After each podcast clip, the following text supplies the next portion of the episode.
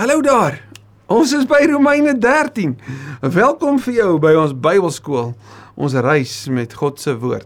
Dankie vir jou saamreis, vir jou deelneem en vir jou inkyk. Dankie dat jy ook tyd op sy gesit het. Ek bid so dat die Here ook in hierdie tyd saam wat ons het, ons verbeelding sal kom aangryp met dit waarmee hy besig is. Dat ons sal nie kyk na die wêreld wat binne ons is, na hulle wat gesag oor ons het. Het verlede week in Romeine 12 gesien hoe hoe Paulus kom sê het, maar onthou mooi jy het 'n nuwe lewe en hierdie nuwe lewe dui tot 'n nuwe optrede teenoor ander mense. 'n Lewe waarin jy jouself gee verander waarin jy jou jou deure oopmaak waarin jy nie self wraak neem nie waarin jy gasvry is waarin jy kos deel en ja en waarin jy op 'n mooi manier antwoord jy neem nie self wraak nie jy vra die Here om om te doen wat net hy kan. Jy gee oor aan hom. Dis nie dis nie 'n passiewe terugsit en goedkeur nie. Nee die aktiewe daarvan is om die kwaad te oorwin deur die goeie. In hoofstuk 13 kom wys Paulus hoe prakties die vryspraak regtig is. Hierdie vryspraak wat ons van hoofstuk 3 vers 21 tot by 8:32 regdeur gesien het, hoe dit God se getrouheid beskryf. Ons is vry omdat ons vergewe is en omdat ons versoen is. Hoe lyk hierdie vryspraak in terme van die manier hoe ons onder die owerheid wat oor ons gestel is leef? En hoe lyk hierdie vryspraak in terme van hoe ons teenoor ons broers en susters en medegelowiges en ander leef?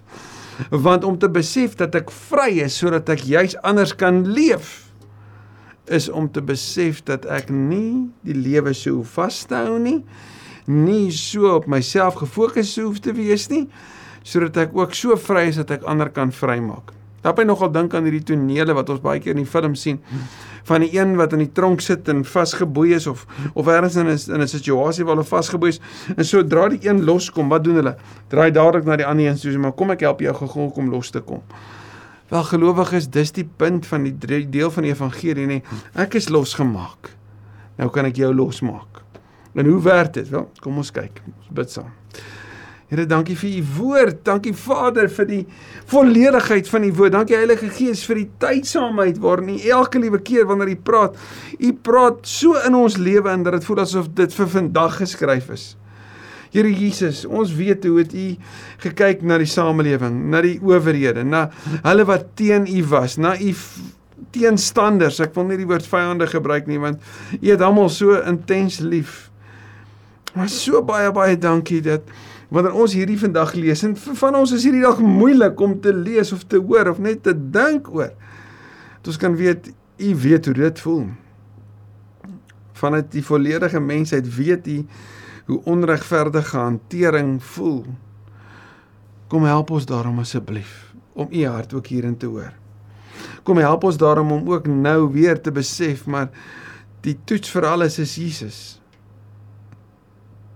Help ons om te weet soos Hebreërs sê ons het 'n Here wat medelee het met ons en ons daarom juis kan lei. Bid dit in Jesus se naam. Amen. Romeine 13 die baie bekende verpligtinge teenoor owerhede. En ooh hierdie is al baie keer aangehaal. Ek dink in covid tyd het mense nogal gestoei hiermee.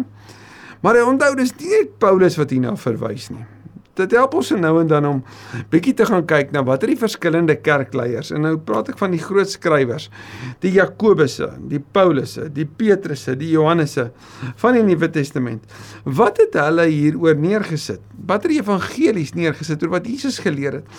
Bring dit alles in gesprek en as almal dieselfde sê, wel opnuut bevestig dat dit is hoe dit moet gebeur, maar aan die ander kant dit kom bevestig dat dit is hoe hulle verstaan dit ook die Christendom die wêreld in moet gaan en omdat hulle saamgestem het en omdat dit gebeur het wel die grootste groei van alle bewegings van alle tye het toe juis gebeur en hulle was in die middel daarvan. So gaan kyk gerus na 1 Petrus 2 vers 13 tot 17 gaan vergelyk wat Paulus hier skryf met wat Petrus ook vir die gelowiges daar skryf. Elke mens vers 1 moet hom onderwerp aan die owerheid wat oor hom gestel is Nou hierdie woord onderwerp is die Griekse woord hypotasso. Hypotasso wat sê ondergeskik. Paulus gebruik hier dieselfde woord daar in Efesiërs 5. Dis 'n lewensingesteldheid om ander eerste te stel. Wat gebeur as jy hypotasso teenoor iemand anders? Dan lyk dit soos Jesus wat voete was. dan kyk jy van onder af op na iemand toe. Dan het jy die gesindheid van 'n dienskneg. So omdat ons as gelowiges in Petrus sou dit baie duidelik maak dat dat ons hipotasso teenoor die owerheid, ons hipotasso teenoor ons werkgewer, ons hipotasso teenoor ons huweliksmaat, ons hipotasso in die kerk is 'n ingesteldheid. En hier sê Paulus, elke mens, nou hier verwys hy na elke mens. en sommige sou sê dit ehm um, dit sou ook beteken gelowiges en ongelowiges in die samelewing van daai tyd en veral in die wêreld van Rome was hierdie 'n gegewe. So hierdie sou jy kon sê was 'n algemene wet, 'n algemene waarheid. Maar vir gelowiges veral dan, elke mens moet hom onderwerp aan die owerhede wat aan hom gestel is. En hoe lyk hierdie owerhede? In Rome veral 'n jaar nadat Paulus hierdie geskryf het, was dit owerhede wat wreed was, wat diktators was, wat wette neergelê het, wat belastings neergelê het, wat dit onmoontlik gemaak het vir gelowiges om om sonder vrees te leef in terme van wat die owerhede sou doen. Niks was vas en seker nie. Dit was so gewees dat hou net binne die lyne wat ons vir jou gee en dan sal dit met jou goed gaan. So jou vryheid, jou ruimte, alles word ingeperk. Jy's gestroop en geïsoleer gewees binne in hierdie spasies. En hoe moet jou gesindheid hier binne wees? Al Paulus sê, dit moet ondergeskik wees. Leef ondergeskik. Hierdie nie demokratiese Romeine. Hoe moet ons leef ondergeskik? Daar is immers geen gesag wat nie van God kom nie en die owerhede wat daar is is daar tot deur die beskikking van God. Nou die die Grieke het verstaan dat Zeus en Apollo hierdie uh, godedom wat hulle verafgod het, dat hulle die gesag gehad het en dan dat dit van Zeus en Apollo, dit gaan dan af na die keiser toe wat vereer was. Ek wil gaan kyk maar 'n bietjie Openbaring se sewe gemeentes wat almal wys op keiserverering en keiseraanbidding. Ek bedoel ek onthou Domitianus wat homself genoem het Dominus et Deus. Ek is ek is Here en God. So hy moes aanbid word. Daar was tempels gewees. So die die die Grieke en die Romeine het hulle self gesien binne 'n wêreld waarin daar soveel hiërargie was. Paulus kom sê nee nee nee nee. Ja, daar is owerhede wat funksioneel binne in die samelewing funksioneer. As dienaars van God, want die gesag, die exousia, kom van God af teenoor die hele wêreldbeeld kom hierdie gesag van God af. En dit klink soos Jesus se gesprek met met Pilatus, nê? Toe Jesus vir hom sê, "Jy is daar omdat God jou daar geplaas het." Dis dit. Jy het geen gesag oor my nie. Maar jy's daar omdat dit God se wil is. Dit is hoe die Vader hierdie wêreld verstaan, ehm um, hoe hy dit gestruktureer het. Want met gesag is daar reëls en en hier's die belangrike, as daar reëls is, dan maak dit gedrag voorspelbaar en as gedrag voorspelbaar is, dan maak dit 'n samelewing veilig En as die reëls so geskryf word, dan gee dit steeds ruimte vir kreatiwiteit en individualiteit. Maar die belangrike is dit maak 'n gesamelewing veilig. Daar's voorsiening en 'n herverdeling van fondse. Dit behoort te lei, behoort te lei tot die tot die versorging van armes, tot die bou van die samelewing, tot die gee van strukture, tot die gee van dienste. Al daai dinge is nodig. Dis hoekom God dit so gestel het. En Paulus is baie ernstig. Selfs vir hierdie Romeine wat vir die gelowiges super onregverdig gevoel het. Gevoel het hulle is diktators. Hulle gee nie om nie. Hulle vervolg ons, sê Paulus, man, jy moet jou steeds ondergeskik stel want dis God se struktuur. Wie hom teen gesag verset, gaan kyk maar bietjie 1 Petrus 2:17. Kom dis in opstand teen die ordening van God. Hoor jy mooi, dis God se ordening. As nie gesprek hieroor nie, dis God se ordening. En wie in opstand kom, sal sy verdiende straf kry. Wel as jy teen die reëls van die samelewing gaan en natuurlik gaan hierdie nou nie oor wanneer die regering vir jou sê ontken Christus dat jy dan dat jy dan moet toegee nie. Natuurlik gaan dit nie daaroor nie. As dit gaan oor om teen God se wil te gaan, natuurlik nie. Maar in terme van dit wat die regering moet doen, ons gaan nou sien hoe moet jy hulle toegee daartoe.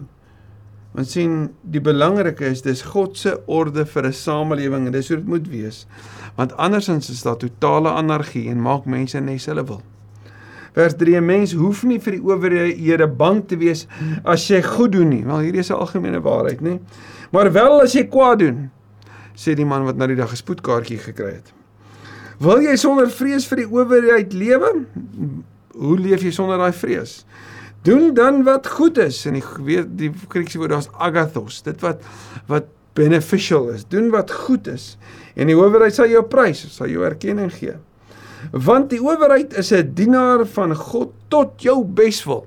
En hier vat Paulus die konsep van 'n dienaar en van die owerheid en hy maak van hom 'n soos 'n persoon.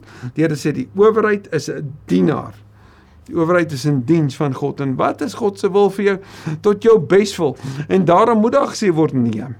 Daarom moet jy van tyd tot tyd ingeperk word. Daarom kan jy nie ry so vinnig as wat jy wil nie. Daarom was daar 'n tyd gewees waarin daar sekere besluite geneem is oor jou en my, oor ons beweging, oor wanneer jy by die huis moes wees of nie, wat dalk vir jou ongemaklik was, ongerieflik was. Jy het dalk nie eers daarmee saamgestem nie. Maar die bedoeling was tot jou beswil. En dis wat God hier sê. God het die owerheid daar gesit as dienaar tot jou beswil. Maar as jy kwaad doen, het jy rede om bang te wees. Want die owerheid het nie verniet die reg om te straf nie. Dit sê ook dat die owerheid moet straf. Die owerheid moet mense tot verantwoording bring. Die owerheid moet die die die mense opsluit wat ander mense se lewens in gevaar stel en wat geweldige dade gepleeg het. Hy is immers ook hierin 'n dienaar van God dat hy die kwaaddoeners straf. En hier's die mooi, ek en jy het mos baie keer hierdie gevoel van onreg en ons het hierdie gevoel van maar waar daar onreg is, moet daar wraak geneem word. En nou kom sê die Here, daarom is die owerheid daar in 'n samelewing om die kwaaddoener uit die samelewing uit te neem en om die nood wie die die gepaste straf te gee. En as dit die owerheid se funksie is, dan kan gelowiges mos doen wat die owerheid vra. Nee, dis die dis die logiese denke daar agter, maar belangrik, die owerheid is verantwoordbaar voor God. En as die owerheid nie doen wat wat God van hom vra nie, dan gaan die owerheid dit voor God moet vertel. En dis belangrik. Dis belangrik om dit in gedagte te hou die hele tyd. Dis nie my en jou reg om te vergeld nie, dis nie my en jou reg om om wraak te neem nie. En as ons owerhede oor ons het wat nie doen wat die Here van hulle vra nie, beteken dit nie ons moenie teenoor hulle doen wat die Here van ons vra nie. Daarom moet jy jou onderwerp, daar's daai woord weer, hipotasso. Daarom moet jy onderwerp. Nie net omdat jy vir straf bang is nie, maar ook omdat dit 'n gewetenssaak is. Doen wat reg is omdat dit die regte ding is om te doen want die regte mense doen die regte dinge. Dit is ook waarom jy belasting betaal. Nou daar word vertel dat Tertullianus, 'n Romeinse keiser, het ten ten tye van Paulus se opskrifstelling hiervan het hy die Christene veral baie erg belas omdat hulle nie na die na die tempels toe gegaan het en geskenke vir die tempels gebring het en so die tempels verryk het nie.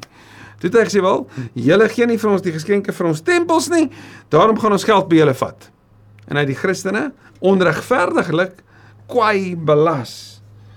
Paulus sê waarom julle belasting moet betaal want die owerheid is dienaars van God. So of dit nou regverdige belasting is en onthou mooi die mense in die wêreld van Rome was tot die dood toe belas, tot oorlopends toe belas, nie tot die dood nie, maar tot oorlopends toe. Tot in so 'n mate dat hulle belasting vir alles betaal, op alles betaal. Ja, ek weet soos ek en jy hierdie hierdie hoor, mag ons dalk dink maar, maar ek ook ek voel ook so. Ek betaal belasting die hele liewe tyd en die belasting op my inkomste is so hoog en is belasting op dit en is belasting op dat en is belasting as ek deur die tolhek ry en dit is dis dis dis belasting om my kar op die op die pad te hou dis die hele liewe tyd betaal ek wel. Paulus sê dis die samelewing. En betaal jou deel betaal wat van jou verwag word dat dit by jou 'n gewetenssaak wees sien hier's die lekker. As dit by jou gewetenssaak is, dan kan jy met 'n stil gewete gaan slaap. As jy droog maak en dit nie doen nie, gaan dit jou wakker hou. Doen wat nodig is. Die owerheidsdienaar van God en hulle is besig om hulle opdrag uit te voer. God se opdrag om te sorg, God se opdrag om te voorsien, betaal daarom. Gee dis aan almal wat hulle toekom. Nou hierdie is jy gaan sien kom uit Matteus 22 uit. Aan die een kant Matteus 22 gaan ons sien Jesus se se gesprek oor betaal belasting aan die keiser waarin Jesus sê gee aan God wat aan God behoort en aan die keiser wat aan die keiser behoort. So doen jou deel. En nou selfs Matteus 22 sê Jesus, wat is die opsomming van die wet? Jy moet die Here jou God lief hê en jou naaste soos jouself. Altwee dele hiervan wat Paulus hier aanhaal het Matteus vir ons neergepen en sien ons ook rondom Jesus se antwoord oor wat die belangrikste is. Jy gaan dit ook in Lukas 10 sien. Gee aan almal wat hulle toe kom belasting as dit belasting is en hier's vier goed wat Paulus sê jy verskuldig is. Aksyns as dit aksyns is, onsag as dit onsag is en eer as dit eer is. En jog, julle, hierdie sal vir die gelowiges nie lekker wees om te gehoor het nie. Want omdat die Romeinse goewerneurs het in weelde geleef. En wie betaal vir hulle weelde? Wel die mense, die burgers, die gelowiges wat ook daar geleef het. So dit was swaar om dit te moet betaal en Paulus sê betaal wat van jou betaal moet word en wat jy van jou gevra moet word. En nie net as jy so vry dat jy die owerheid kan dien nie en in jou kant kan bring nie, jy's vry om ander ook te dien. So jy's moet betaal wat verskuldig is aan die keiser wat die keiser toe kom. En dan jy moet betaal aan jou medemens wat die medemens toe kom. Kyk mooi vers 8. Julle moet niemand iets verskuldig wees nie. So jy moet nooit agter wees nie behalwe En hier is 'n skuld wat jy nooit kan afskryf nie. Hier is 'n skuld waarvan jy nooit kan vrykom nie. Behalwe om mekaar lief te hê. Hierdie is soos ewige skuld. Ewige ek moet hierdie vandag weer nakom. Ek kan nie by 'n plek opvat en wat sê ek aan my kant gebring nie. Behalwe om mekaar lief te hê. Wie sy medemens liefhet, voer die hele wet van God uit. Johannes 13 as julle mekaar liefhet, sal mense weet dat julle my disippels is hierdie is 'n verpligting wat gelowiges teenoor mekaar het en wat die gelowiges vir die wêreld moet leef om mekaar lief te hê. Al die gebooie. En hierdie is Matteus 22. Jy mag nie egbreek pleeg nie en Paulus het hier 'n opsomming van Deuteronomium 15 vers 17 tot 21 en jy gaan sien twee van die gebooie wissel hy so 'n bietjie om maar dit kom alles op dieselfde neer. Jy mag nie moord pleeg nie, mag nie steel nie, mag nie begeer nie, watter gebod ook al is, word immers in hierdie gebod saamgevat en dis in Levitikus 19 vers 18 wat hierdie sê. Jy moet jou naaste lief hê soos jouself. Sommige reken die vertaling moet eerder lees: Jy moet jou naaste lief hê asof hulle jy is. Asof hulle jy is. Hier is die belangrike, julle. Die Jesus mense is so vry van hulle self dat hulle nie omgee oor oor oor oor die lewe en oor die kort te weet oor oor oor bates of oor die goed of um, oor oor hierdie wêreld nie veral omdat hulle geleef het met 'n nabye wederkomsverwagting was dit belangriker vir die kerk om te sê kom ons doen wat ons doen as ons getuienis ook in hierdie wêreld wat dat mense kan weet hoe Jesus se mense lyk maar kom ons leef ook so teenoor mekaar sodat hierdie nie verwyder is nie sodat hulle die hele tyd dit kan sien en hierdie ingesteldheid was so magneties dit was so aantreklik dat ander gesê ek wil deel wees van hierdie gemeenskap. Vers 10: Die liefde doen die naaste geen kwaad aan nie. Natuurlik is die teendeel daarvan, maar die sonde doen. Die liefde is die teenvoeter vir die sonde. Die liefde is die teenvoeter teen dit wat afbreek en verwydering bring. Soos vir die Samaritaan daar in Lukas 10 10 vir ons wys, dis 'n buitegerigtheid. Dis 'n tweede, derde, vierde myl. Dit is 'n ek bind my aan hierdie persoon versorg hom as ek terugkom sal ek weer betaal, nê? Nee? Daarom is die liefde die volle uitvoering van die wet. Sonde bring skade. God se liefde bring herstel. En dit alles vers 11 is nodig omdat jy weet hoe laat dit al is. Hoor die dringendheid. Dieselfde dringendheid van Openbaring 22. Die Gees in die bruid sê kom, dis nou, kom kry die water van die lewe verniet. Dis dieselfde dringendheid van 2 Petrus 3 wanneer Petrus sê God stel nie die vervulling van sy belofte uit nie, maar hy wil nie hê dat iemand verlore moet gaan nie. Hy wil intrek. Ons weet hoe laat dit is, so hoor dit. Die uur is reeds daar dat jy uit die slaap moet wakker word. Want die tyd van ons finale verlossing is nou nader as toe ons tot geloof gekom het. En Paulus se woorde ons ons ons dui op daai oomblik toe jy besef het dat hierdie die waarheid is. Die uur is naby, die tyd van wakker word is hier. Herinner ons aan Jesus in Getsemane, die uur is hier. Maar Paulus sê, onthou ons het nou al bietjie geskuif, nee, ons is nou nog nader aan die wederkoms as waar ons was toe ons tot geloof gekom het.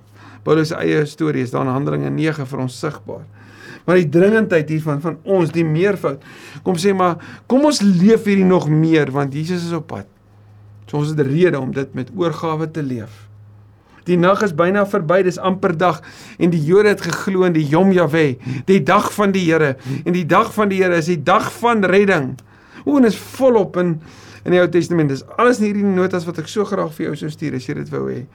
Jesaja 27, Jeremia 30, Joel 2, ag, soveel ander kan ek nog vir jou nou opwys. Die belangrike is om te sê maar die onthou die die die die goedheid van God is lig en die bose is donker.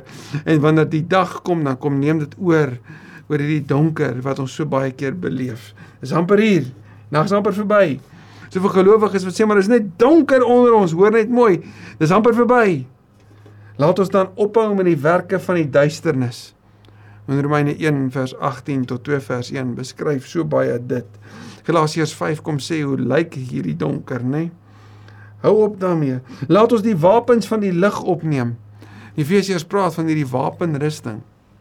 En Paulus sal in Korintiërs sê, maar die wapens van waarmee ons veg, ons weet hoe dit werk.